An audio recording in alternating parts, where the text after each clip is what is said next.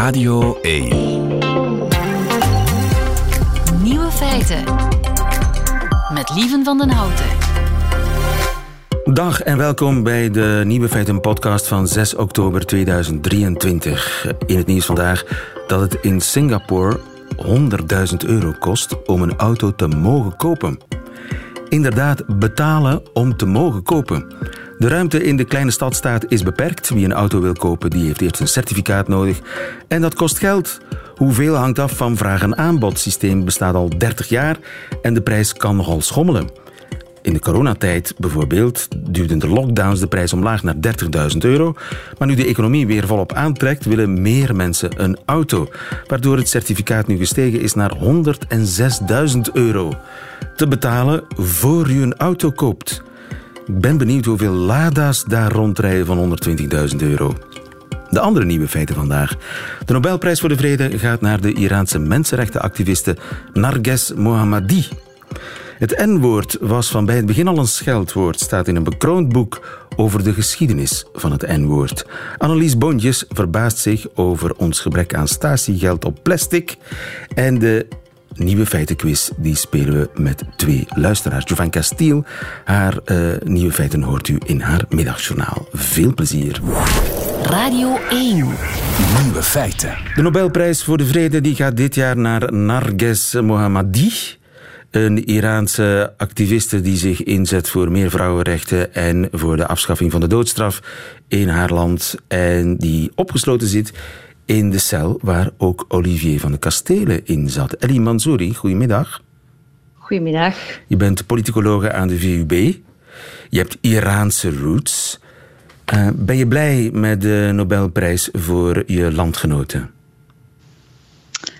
Uh, ja, uh, vooral opgelucht dat er toch uh, terug internationale aandacht is voor de situatie in Iran. En zeker voor mensen zoals Narges Mohammadi, die toch wel ja, hun leven opofferen voor mensenrechten in Iran. Ze zit inderdaad momenteel vast in, dezelfde, in de, ja, de gevangenis waar ook Olivier van de Kastelen zat.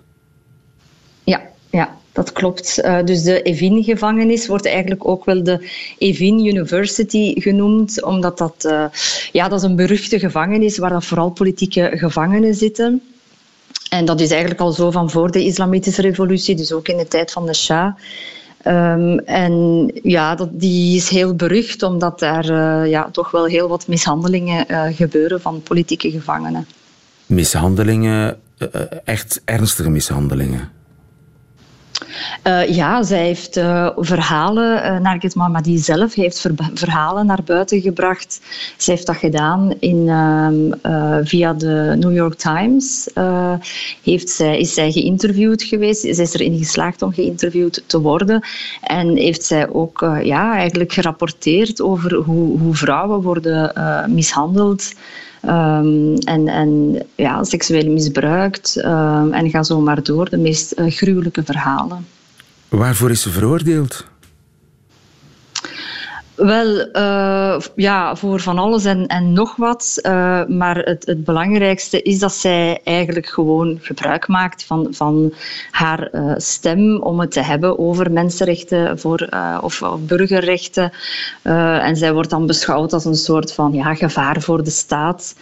Um, dat is zo'n beetje de, de standaard uitleg van het islamitisch regime. Telkens als je het over mensenrechten wilt hebben, dan ben je een, een zogenaamde terrorist uh, of, of, een potentieel terrorist en, en ben je een gevaar voor, uh, voor, de, uh, voor de staat. Ja, het, het, is niet de eerste keer dat ze in de gevangenis zit, want ze is, hoe oud is ze? 51, nee. 52 jaar en ze is al ja. meerdere keren in en uit de cel.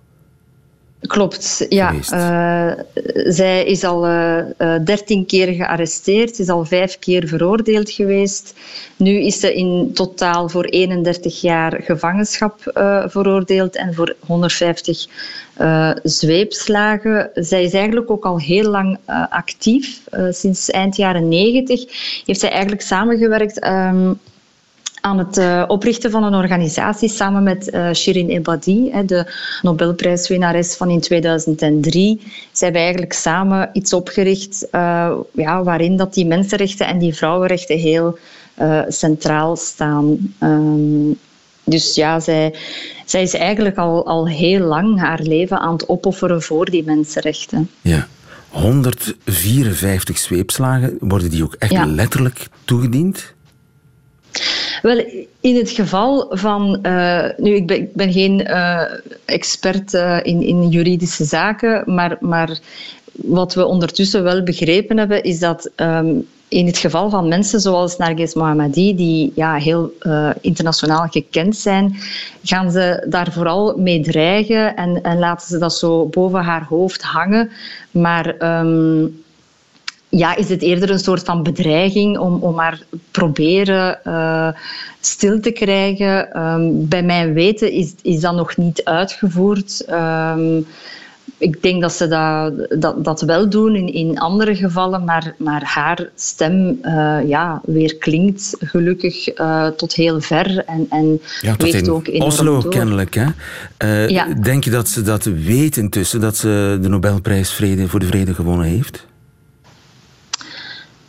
Uh, hoe ik het begrepen heb, is, uh, heeft zij familie wonen in het buitenland. Dus uh, het zou wel goed kunnen dat ze dat, ze dat via haar familie te weten is gekomen. Ja, ja ik denk dat, dat gelukkig haar, haar netwerk heel sterk is, um, ook, ook met internationale media. Dus op een of andere manier, dat is, dat, is, echt wel bewonderenswaardig hoe dat zij er telkens opnieuw in slaagt om, om ja, toch niet uit, uit beeld te verdwijnen. Ja. De vraag is natuurlijk ook, zal dat op de een of andere manier helpen, zo'n prijs? Zal het haar helpen en zal het de vrouwenrechten helpen in Iran? Ja, dat denk ik wel. Um, hoe helpt het haar? Ja, zij heeft opnieuw uh, nog meer uh, erkenning gekregen. Um, ze, ze, ja, ze staat opnieuw in, in de schijnwerpers, jammer genoeg, uh, met, met heel veel opofferingen. Um, en ja, ik zeg altijd, het is heel belangrijk dat um, ondanks het feit dat die, die golven van anti-regime protesten um, komen en gaan, dat, ja, dat de, de, ogen van de wereld toch wel op Iran gericht blijven, want dat is iets waar dat het islamitisch regime heel gevoelig voor is. Zij willen geen reputatieschade. Zij willen niet dat de wereld staat te kijken wat dat er in het binnenland allemaal verkeerd loopt, want ze zijn, ze zijn heel goed in, in het um, banden smeden met uh, allerlei um, landen die ook heel wat mensenrechten schenden. Maar um, het, een, ja, een, ja, een zwaktepunt is natuurlijk wat dat er in het binnenland allemaal uh, misloopt. Dus voor hen is dat natuurlijk opnieuw uh, gezichtsverlies leiden. Ja. Ellie Manzouri, dankjewel voor deze toelichting. Nog een fijne dag verder. Graag gedaan. Nieuwe feiten. De ontdekking van België. En we gaan nog even door met de Vlaams-Nederlandse samenwerking. Uh, Annelies Bontjes, goedemiddag. Hey, goedemiddag. Je bent uh, correspondent België voor het Nederlandse dagblad Trouw. Je woont in Brussel en ontdekt uh, ons land. Elke week weer opnieuw. Dat wat, klopt. wat is jou deze week opgevallen? Nou, het klinkt misschien een beetje raar, maar ik ben erachter gekomen dat jullie geen statiegeld hebben. Pardon, we hebben wel statiegeld. Ja, op, ik bedoel natuurlijk op plastic flessen en blikjes. En op plastic misschien... flessen hebben wij geen statiegeld. Nee, en het is misschien een beetje raar dat ik daar nu pas achter kom. Uh, Want in Nederland is dat heel normaal. In Nederland is dat heel normaal. En ik drink, ik drink zelf geen frisdrank, dus ik heb het me nooit beseft. Maar nu had ik een vriend op bezoek die frisdrank graag drinkt. Dus had ik dat in huis gehaald. En toen zat ik met die flessen. Toen dacht ik, ja, wat doe ik daar hier eigenlijk mee? En toen dacht ik, nou, jullie hebben geen statiegeld op plastic flessen. Dat Hoe is zo gek. Zo raar. Zo raar. die Belgen toch? Ja, die gekke Belgen, ja. Dus toen ging ik natuurlijk weer even bedenken hoe dat zat. Nou ja, en voordat je het weet zit je dan weer in uh, dieper verdeeldheid. Want uh, uiteraard over alles uh, kun je het oneens worden hier. Uh, ja. Wat heb, je daar, wat heb je dan ontdekt? Nou, het, duurde, het, ligt, het staat blijkbaar al heel lang op de politieke agenda om statiegeld op plastic flessen hier in te voeren. En het was heel lang zo dat niet alle partijen het willen, maar nu willen alle partijen het. Ze hebben een enquête gehouden. Driekwart van de Belgen schijnt het ook te willen, want die zijn ook dat zwerfafval op straat beu. Alleen ja, de grote vraag is nu op welke manier. En daarover zijn dus voornamelijk uh, Vlaanderen en Wallonië het gewoon niet eens. Want Nou, um, in Nederland kennen we een zogenoemd klassiek systeem. Dus je brengt je flessen naar de supermarkt. Is dat zo Vlaams? Klassiek ja. systeem. het wordt wel wat, hè? Ja? ja? dus je brengt je flessen naar de supermarkt toe en dan krijg je daar geld voor. Nou, Wallonië wil dat klassieke systeem. Maar Vlaanderen die zegt, ja, uh, we kunnen ook laten zien dat we innovatief zijn. Dus daar worden nu testen gedaan met een digitaal systeem. En dan moet je dus thuis alle plastic flessen scannen met een app op je telefoon. En die blauwe zak waar je ze normaal gesproken in doet ook scannen. En dan krijg je terug via internetbankieren. Nou, super high-tech. Maar Wallonië die zegt dan weer, ja, nee, uh, want ja, niet iedereen heeft een telefoon, niet iedereen heeft internetbankieren en op veel plekken heb je niet eens bereik, dus dan is dat ook weer lastig. Dus lastig, lastig, lastig. Dus komt het er voorlopig niet? Nou, vanaf 2025 moet het ingevoerd worden. Dat hebben de gewesten nu met elkaar beloofd en afgesproken. Dus ze moeten het wel eens worden. Maar ja. In Nederland werkt dat klassieke systeem. In Nederland werkt het klassieke systeem. Ja, ik ken het is er minder, is, is, er minder zwerfvuil? Ja. Dat is uiteindelijk de bedoeling. Dat is waar het om draait. Ja, maar in Nederland had je heel lang alleen het op plastic flessen en sinds kort ook op blikjes. En dat werkt wel wat minder. Want wat je nu ziet is dat op straat alle vuilniszakken opengetrokken worden door ja, daklozen of uh, misschien mensen die minder te besteden hebben, om die blikjes eruit te halen, om daar die in te leveren. Dus bij Nederland liggen ook de straten ineens voor zwerfvuil. En dat is eigenlijk het punt dat ik wilde maken. Ik zou het echt heel jammer vinden als die blauwe zak straks weggaat. Want ik ben er eigenlijk helemaal aan gehecht geraakt. Het is eigenlijk zo lekker makkelijk dat je het gewoon al dat plastic bij elkaar. Je zet het gewoon aan de weg. Je hoeft niet zoals in Nederland met je tas vol met flessen naar de supermarkt toe. Dus ja, ik hoop toch ja, dat er misschien kan het complementair zijn of zo. Want eigenlijk werkt het best wel volgens mij. Ja, dus je hebt niet bepaald een voorkeur voor dat uh, innovatieve Vlaamse systeem dan, of het klassieke eh, systeem? Ja, nou, dat innovatieve Vlaamse systeem klinkt voor mij een beetje ingewikkeld. Ik zou dat klassieke systeem doen en die zak gewoon lekker houden. Overigens, statiegeld, zeggen jullie dat ook in Nederland? Ja. Oké.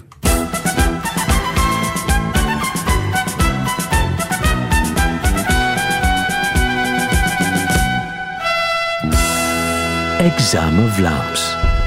Wat is fameus? Beroemd. nee? Berucht. Bekend. Allemaal ook wel, maar we gebruiken het, of tenminste, ja, het wordt vaak gebruikt, fameus, als iets anders, met een andere betekenis. Uh, het was fameus. Oeh, dat zeg je, dat was niet goed. Het was. Uh, een fameuze tafel, een fameuze boete, een fameuze... Oh, aanzienlijk groot. Juist. Fameus. Ah, okay. Dat fameus, ja. Uh, wat is een fermette? Uh... Oh, dit is zo heerlijk. Nee. Wat is een fermette? Um, een fermette. Gokken. Een fermette. Een, um, een vliegenmepper. Het is, zo, het is om in te kaderen. Een fermette. Boerderijtje.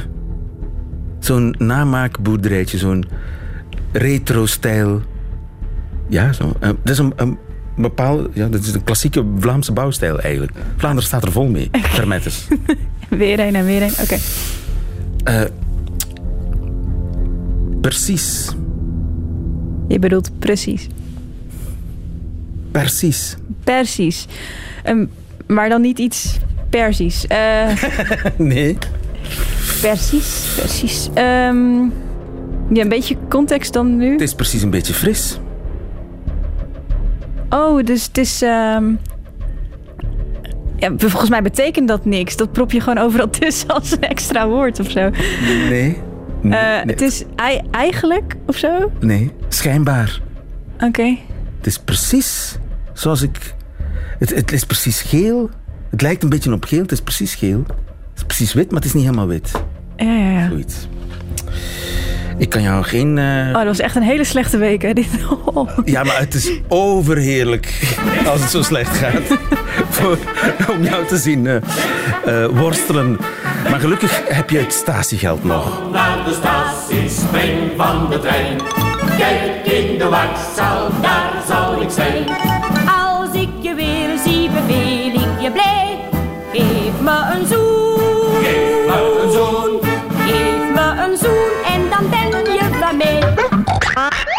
Nieuwe feiten.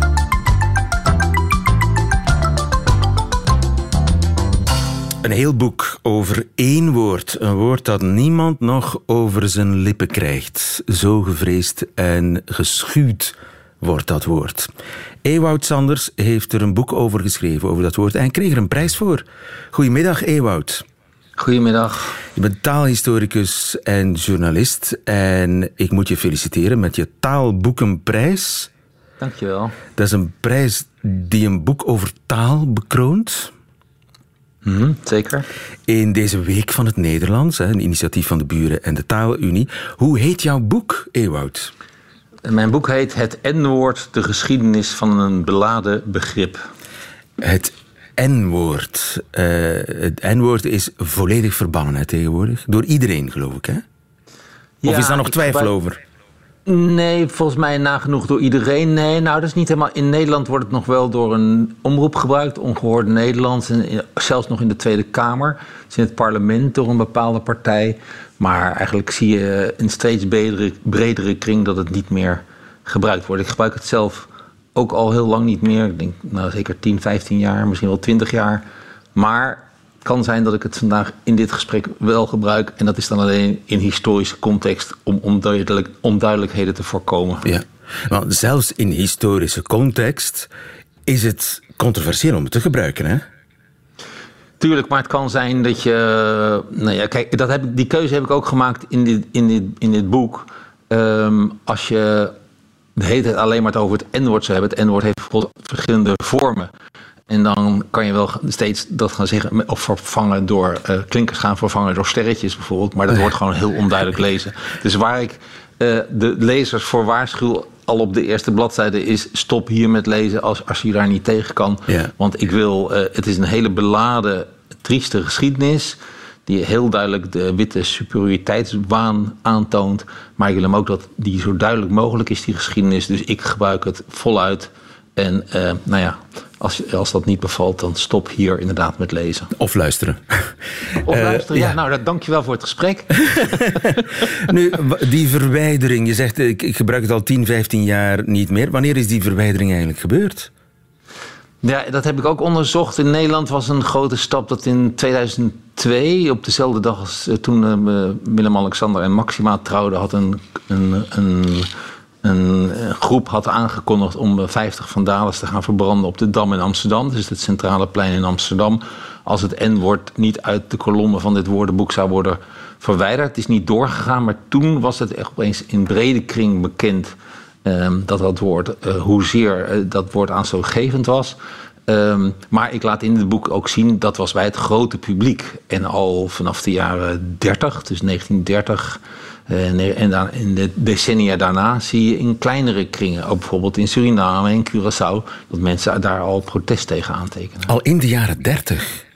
Ja, dat is een heel vroeg voorbeeld hoor. Maar eh, dat is heel vaak zo natuurlijk. Hè. Dat, dat kan je ook, ook bij andere groeperingen zien die zich gediscrimineerd voelen. Of in dit geval heel duidelijk gediscrimineerd zijn. Dat er dan al, nou ja, er zijn natuurlijk altijd mensen, activisten in de frontlinie. Die dan bezwaar maken. En dat duurt doorgaans een hele tijd voordat dat bij het brede publiek. Maar in 2002 wilde een actiegroep het, het woordenboek verbranden. 50 woordenboeken zelfs, 50 vandales als het, eh, als het. En is woord- dat toen verboden geweest? Ja, ja, en toen zeiden ze: oké, dan gooien we ze van het dak van het Hilton, dus van een bekend hotel af. Nou, dat is ook niet doorgegaan, maar. Nou, lijkt me ook het- gevaarlijk. lijkt me ook tamelijk gevaarlijk, ja. Zeker als je eronder loopt. Maar het is. eh, nee, het was natuurlijk een, een hele effectieve manier om daar aandacht mee te krijgen. Ik weet niet of ze echt ooit serieus van plan zijn geweest om dit te doen.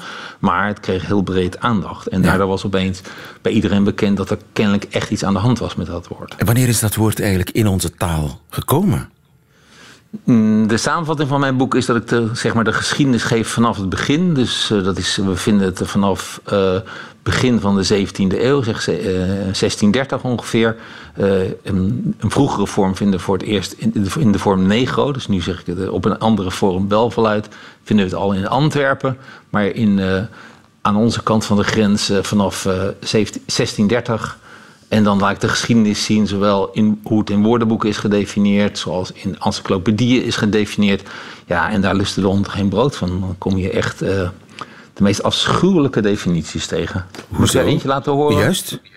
Ja, en, en nu citeer ik dus wel, hè, dus uh, een 18e eeuws woordenboek stelt dat negers, ik gebruik het woord nu opzettelijk voluit, want een citaat, dat ze beestachtig zijn, ongodsdienstig, onredelijk, ontrouw, schaamteloos, woest en vreed. En dan wordt de vraag gesteld, stamden zij gelijk wij wel af van de eerste mens? En dat is notabene uh, in, uit de tijd van de verlichting dat, dat dit werd beweerd. En, wacht eens even, en citeren we nu een woordenboek? Ja, nu studeren we een encyclopedie. Dus encyclopedie? ja, woorden waarvan wij nu denken dat zijn, of uh, bronnen waarvan wij nu denken dat zijn neutrale bronnen, die dat allemaal zo goed en zo neutraal en feitelijk en neutraal mogelijk formuleren. Maar dat was dus in die tijd anders. En dan, nou, je vindt echt de meest afschuwelijke ja. Uh, nu, dingen kom je tegen. Uh, mijn uh, moeder, zaliger, die gebruikte volgens mij het woord, en ik vroeger ook, het woord gewoon als een neutraal woord voor iemand met een zwarte huidskleur. Ja, zeker. En dat zullen ook denk ik wel veel luisteraars denken. Zo heb ik het zelf ook heel lang gebruikt. Terwijl je als je gaat kijken, dan zie je toch al in het begin van de 19e eeuw dat sommige woordenboekenmakers uh, vaststellen dat het N-woord wordt gebruikt voor mensen die tot slaven zijn gemaakt. Dus zo neutraal was het niet, maar het is natuurlijk wel heel erg lang neutraal gebruikt. Maar dat zie je bij meer woorden, dat op een gegeven moment uh, mensen er aanstoot aan nemen. Uh, je zou in Nederland niet meer het woord homofiel gebruiken, want dat is in de jaren 70, Juist, 80 gezegd van nee, dat, dat vinden wij aanstootgevend. Dat was een eufemistisch woord, omdat daar, daar zat het woord seks niet in. En dus dat, die mannen hadden geen seks en dus was het oké. Okay. Ja, maar en dat is nu iets heel vies homofiel, inderdaad. Ja, precies. En als je dat zou vragen aan mensen van, uh, van een oudere generatie. Bij onze moeders kan dat niet meer. Maar als je dat zou vragen aan mensen van een oudere generatie. dan zouden die zeggen: ja, dat was voor ons gewoon een, een neutraal, een neutraal woord. woord. Juist, ja. Woorden veranderen van connotatie ja. in de loop der geschiedenis. En dus eigenlijk oorspronkelijk betekende het uh, slaaf. Ja, en kijk, veel mensen zeggen ook, het betekent toch gewoon zwart. Ja, de, de, als je teruggaat naar het Latijn, dan is, dat de, de is de betekenis zwart. Maar ja, natuurlijk. Ja, precies. Maar al die andere dingen die ik net opnoemde, als, als vreed en, en goddeloos enzovoort, dat zijn allemaal dingen die eraan op zijn gehangen. En nou, als je daarnaar gaat kijken, en die geschiedenis heb ik dus nou ja, zo goed mogelijk eh, en zo feitelijk mogelijk in kaart gebracht om te laten zien welke ontwikkelingen dat woord heeft doorgemaakt en ook hoe ongelooflijk breed het is verspreid. Dus je komt ook in Nederlandse en ook in Vlaamse kranten trouwens allerlei dingen tegen als uh, uh, reclames voor zwarte schoenen of zwart leer of schoenpoets. En daar wordt dan het uh, N-woord heel erg vaak gebruikt. En zelfs nog in een vorm waarvan jij en ik denk ik wel al in onze jeugd hebben geleerd dat het heel aanstootgevend is. En ik hoop niet dat ik luisteraars choqueer, maar het woord nikker, dat zie je ook heel erg veel in reclames, tot in de jaren 60 in Nederlandse kranten. Echt waar? Jazeker, ja. Voor schoenpoets en voor schmink en voor En was dat dan een soort onschuldig gebruik? Of was dat toch al met die connotatie van, ja, een scheldwoord? Uh, nee, dat, dat heb ik ook onderzocht. Want dat, ook, dat is een interessant fenomeen. Omdat ik heb geleerd in mijn jeugd, dat kan je absoluut niet zeggen, dat is heel grof. Zou je denken dat dat moet altijd al zo geweest zijn. Dat is stellig niet het geval. Dus je ziet bijvoorbeeld allerlei jeugdboeken in Nederland. Uh, er was een hele, uh, ja, nogmaals, excuus bijna dat ik het woord weer gebruik, maar een, een, dat heet ook de Nikkertjes-serie. Dus er zijn allerlei jeugdboeken, tientallen jeugdboeken heb ik dan over, waar dat, uh, dat woord in voorkomt. En je kan ervan uitgaan als er jeugdboeken verschijnen met dat in de titel dat gaan uitgevers niet doen als dat een grof scheldwoord is. Ja. Nu, als het oorspronkelijk wel een soort scheldwoord was, was er dan een ander woord om op een neutrale manier aan te duiden dat iemand een zwarte huidskleur had? Nou, daar zijn allerlei woorden voor gebruikt. En wat er heel lang een soort concurrentie is geweest, is het N-woord. Uh, uh, en uh, Moriaan. En dat kennen sommige mensen nog van het liedje Moriaantje, zo zwart als roet. En die zijn echt bijna, bijna dus vanaf het begin van de 17e eeuw tot halverwege de 19e eeuw hebben die soort concurrentie met elkaar gehad, wat dan het goede woord was. En daar zie je van dat het N-woord dus echt werd gebruikt voor mensen met een zwarte huidskleur die tot slaaf waren gemaakt, terwijl Moriaan kon voor iedereen zijn met een zwarte huidskleur, dus ook voor niet-slaven. Oké. Ja. En het woord dat die actiegroep uit de Vandalen wilde, staat dat daar nog in? Ik heb het eigenlijk niet gecheckt, maar is het staat het nog in het woordenboek. Ja, zeker. En het, de ironie wil dat zij wilde van haal het eruit. Uh, en dat is ook mijn mening. Ik schrijf alles heel feitelijk op, maar ik heb er ook een mening over. En mijn mening is uh, dat je woorden niet uit woordenboeken moet schrappen. Uh, wel als ze helemaal verouderd zijn of zo. Maar Van Dalen zegt: wij beschrijven de taal van de afgelopen 150 jaar.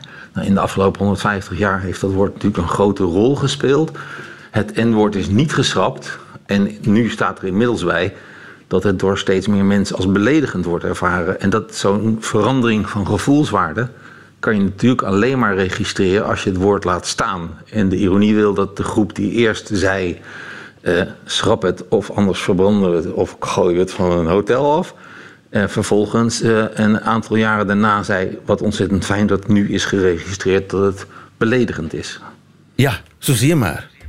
Ja. Dingen veranderen, meningen veranderen en ook woorden veranderen van betekenis. En de geschiedenis van het N-woord is uh, een boek van uh, Ewout Sanders. Een boek dat bekroond is met de Taalboekenprijs. Uh, Ewout Sanders, nogmaals gefeliciteerd. En bedankt voor dit gesprek. Nog een fijne dag.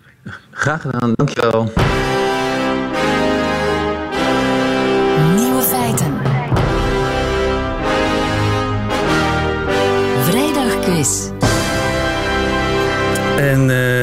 De zon is weer gaan schijnen in de studio met de komst van Gilles Wijkmans. Dank u. Hoe streng hij ook is in de jury die hij zelf samenstelt en waarvan hij de jury is. We zijn toch weer vrolijk, want we gaan inderdaad quizzen. We spelen voor een boekenbon ter waarde van 25 euro te verzilveren bij de onafhankelijke boekhandelaar aangesloten bij Confituur. En kandidaat 1 is Gert met een D. Goedemiddag Gert. Uh, goedemiddag. Gert Simons uit Antwerpen, wat was je aan het doen? Ik ben al uh, heel de voormiddag bezig op de computer. Bezig op de computer? Is dat, dat is toch niet P-kijken, hè? Minecraft, oké. Okay. Ja. Oké, okay, je bent aan het spelen. Zeer goed. Je speelt tegen Evert nee. uit Kluisbergen. Hallo, goedemiddag. Eddy uit Kluisbergen heb ik nog gekend. Heb je die nog Eddie? Uit Kluisbergen, Eddie uit Kluisbergen, dat was een popster in de jaren 80, Evert. Oké, okay. ik ben geboren in het jaar 80, dus... Ja. Uh, een van zijn uh, klassiekers is Oh, die nacht, die nacht, Chikicha. Oké, okay. die ga ik eens uh, opzoeken op YouTube. Goed, uh, wat was jij aan het doen, Evert? Ik ben momenteel aan het lunchen. Lunchen, mm. Mm. en wat schaft de pot? Een uh, bruin stokbroodje met een uh, verse zalm tussen. We eten verstandig. Oké, laten we eraan beginnen. Hoe kan je een olifant doen struikelen, Gert? A. Door hem te kietelen.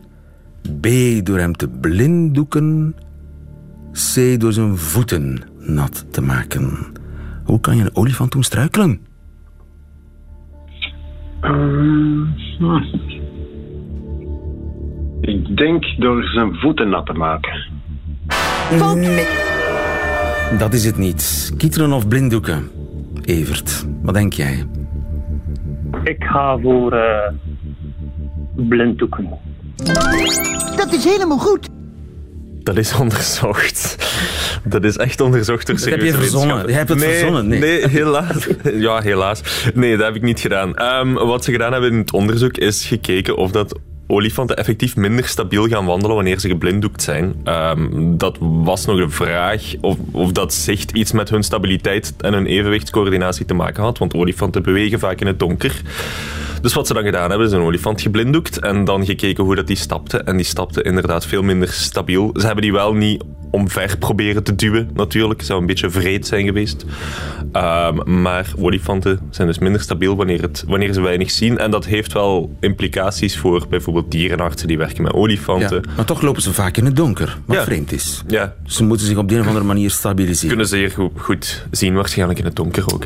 Oké.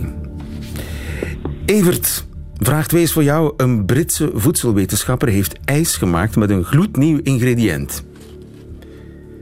A. Plastic. B. Karton. C. Glas. Une glace avec glas. Sorry, Evert, zeg het. Ik ga voor karton. Je gaat voor karton. Fout. Gert komt weer in de wedstrijd. Wat zit er in dat nieuwe Wat? ijs? Wat denk jij? Glas. Je denkt glas. Fout.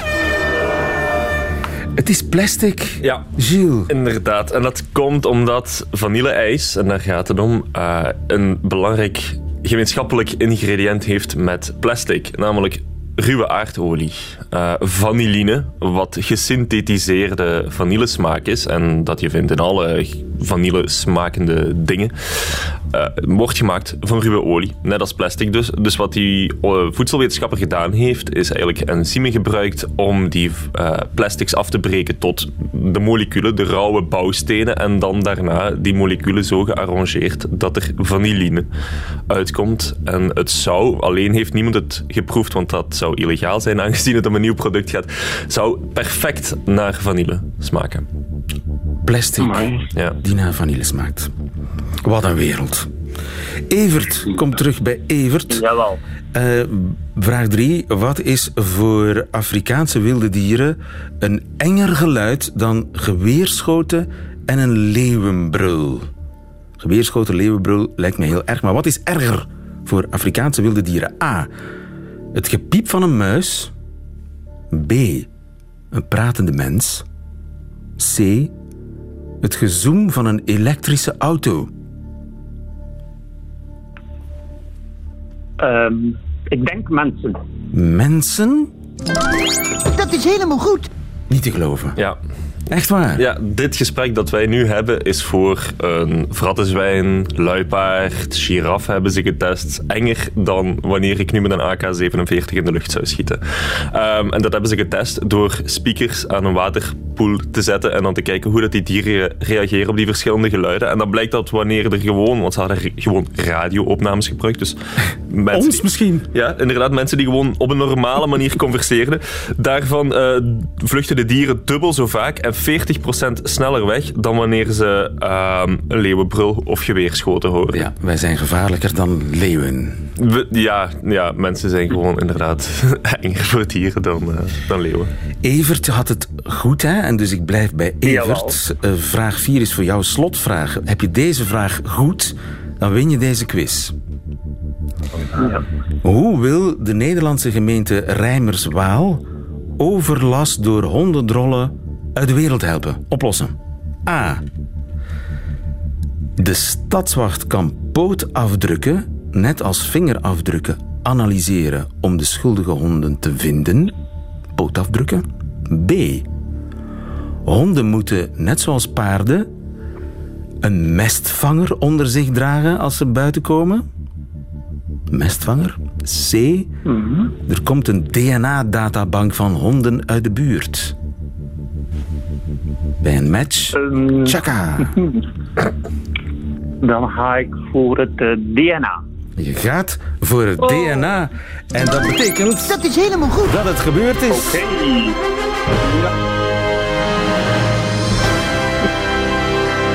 Gefeliciteerd Evert en sorry Gert, een andere keer je- t- terug naar de Cluedo. Of nee, wat was het? Minecraft.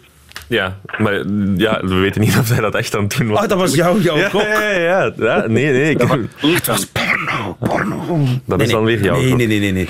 Ehm, DNA dus. Ja, dat wordt blijkbaar al gedaan in Spanje en in Amerika. Wanneer er een onopgeraapte hondendrol ligt, wordt die meegenomen en DNA of genetisch geanalyseerd om te kijken welke hond het in de buurt gedaan heeft. En in de gemeente Rijmerswaal willen ze dat dus ook invoeren. Alleen eh, is de oppositie tegen, want het zou duur zijn en er is een andere manier om het te doen. Dus wie weet komt het er, wie weet ook niet. Gefeliciteerd Evert uit eh, Kluisbergen. Weet je al welk boek je gaat kopen voor je 25 euro? Eh, ja, ik heb een tip gekregen van mijn vrouw. En dat zou Tussen Werelden zijn. Van Julie Zee. Uitstekende keuze. Ik ken het niet, maar het is een uitstekende keuze. Maar omdat je gewonnen hebt, laten we jou... Kijk eens.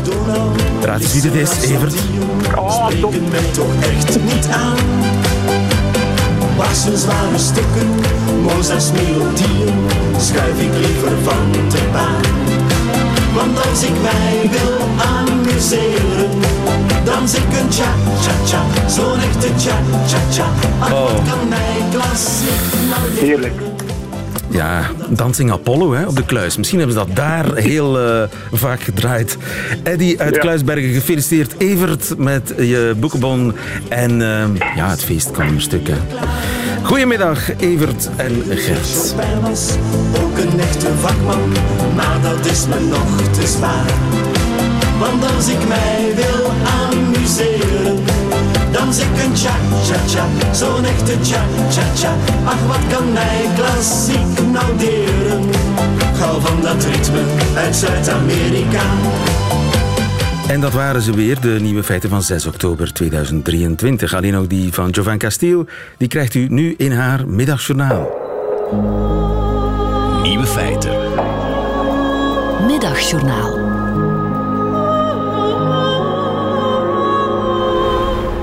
Goedemiddag. Als we door de velden in mijn dorp rijden, zie ik vaak leden van de plaatselijke loopclub. Zonder hun rode t-shirts zou ik dat niet weten, want in al die jaren heb ik die loopclub nog nooit zien lopen. En ja, het is niet alleen dat ik ze nooit heb zien lopen, ik heb ze ook nooit zien wandelen. Het enige dat ik ze altijd zie doen is stilstaan naast een veld terwijl ze boos naar de bestuurder van elke auto staren. Dit is het meest bizarre. Ze lopen niet, ze wandelen niet en toch zijn ze allemaal dun. En dat is wat mij het meest verwondert. Blijkbaar hebben ze een perfecte sport ontdekt. Ik ben al lang op zoek naar de perfecte sport. En als ik sport zeg, bedoel ik zo dun en gezond mogelijk worden met zo weinig mogelijk moeite. Om zo'n sport te vinden ben ik door de jaren heen meerdere keren lid van verschillende fitnesscentra geweest. Maar er gaat altijd iets verkeerd waardoor ik moet stoppen. Ooit ben ik zelfs gestopt met fitnessen omdat de trappen naar mijn fitness in Gent te vermoeiend waren. Het verloopt altijd hetzelfde. De eerste dag als nieuw lid van de fitness ben ik vol enthousiasme. Na de fitness, omdat ik trots ben dat ik zo goed bezig ben, ga ik dat veren met vegan pizza, frietjes en vanilleijs. De dagen erop zijn een grote teleurstelling, vooral als ik na twee of soms drie fitnessbezoekjes nog altijd even dik ben als een paar dagen ervoor. En dus moet ik mezelf troosten met vegan pizza, frietjes en een beetje vanilleijs. Dus is het begrijpelijk waarom ik de vreemde vrouwelijke loopclub van mijn dorp bewonder.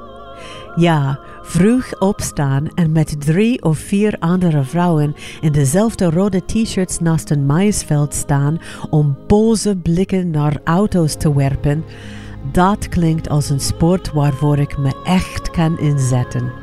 Dus, heel misschien de volgende keer dat u door de velden van de Vlaamse Ardennen rijdt, ben ik die dunne vrouw die in een rood t-shirt kwaad naar uw auto aan het staren is.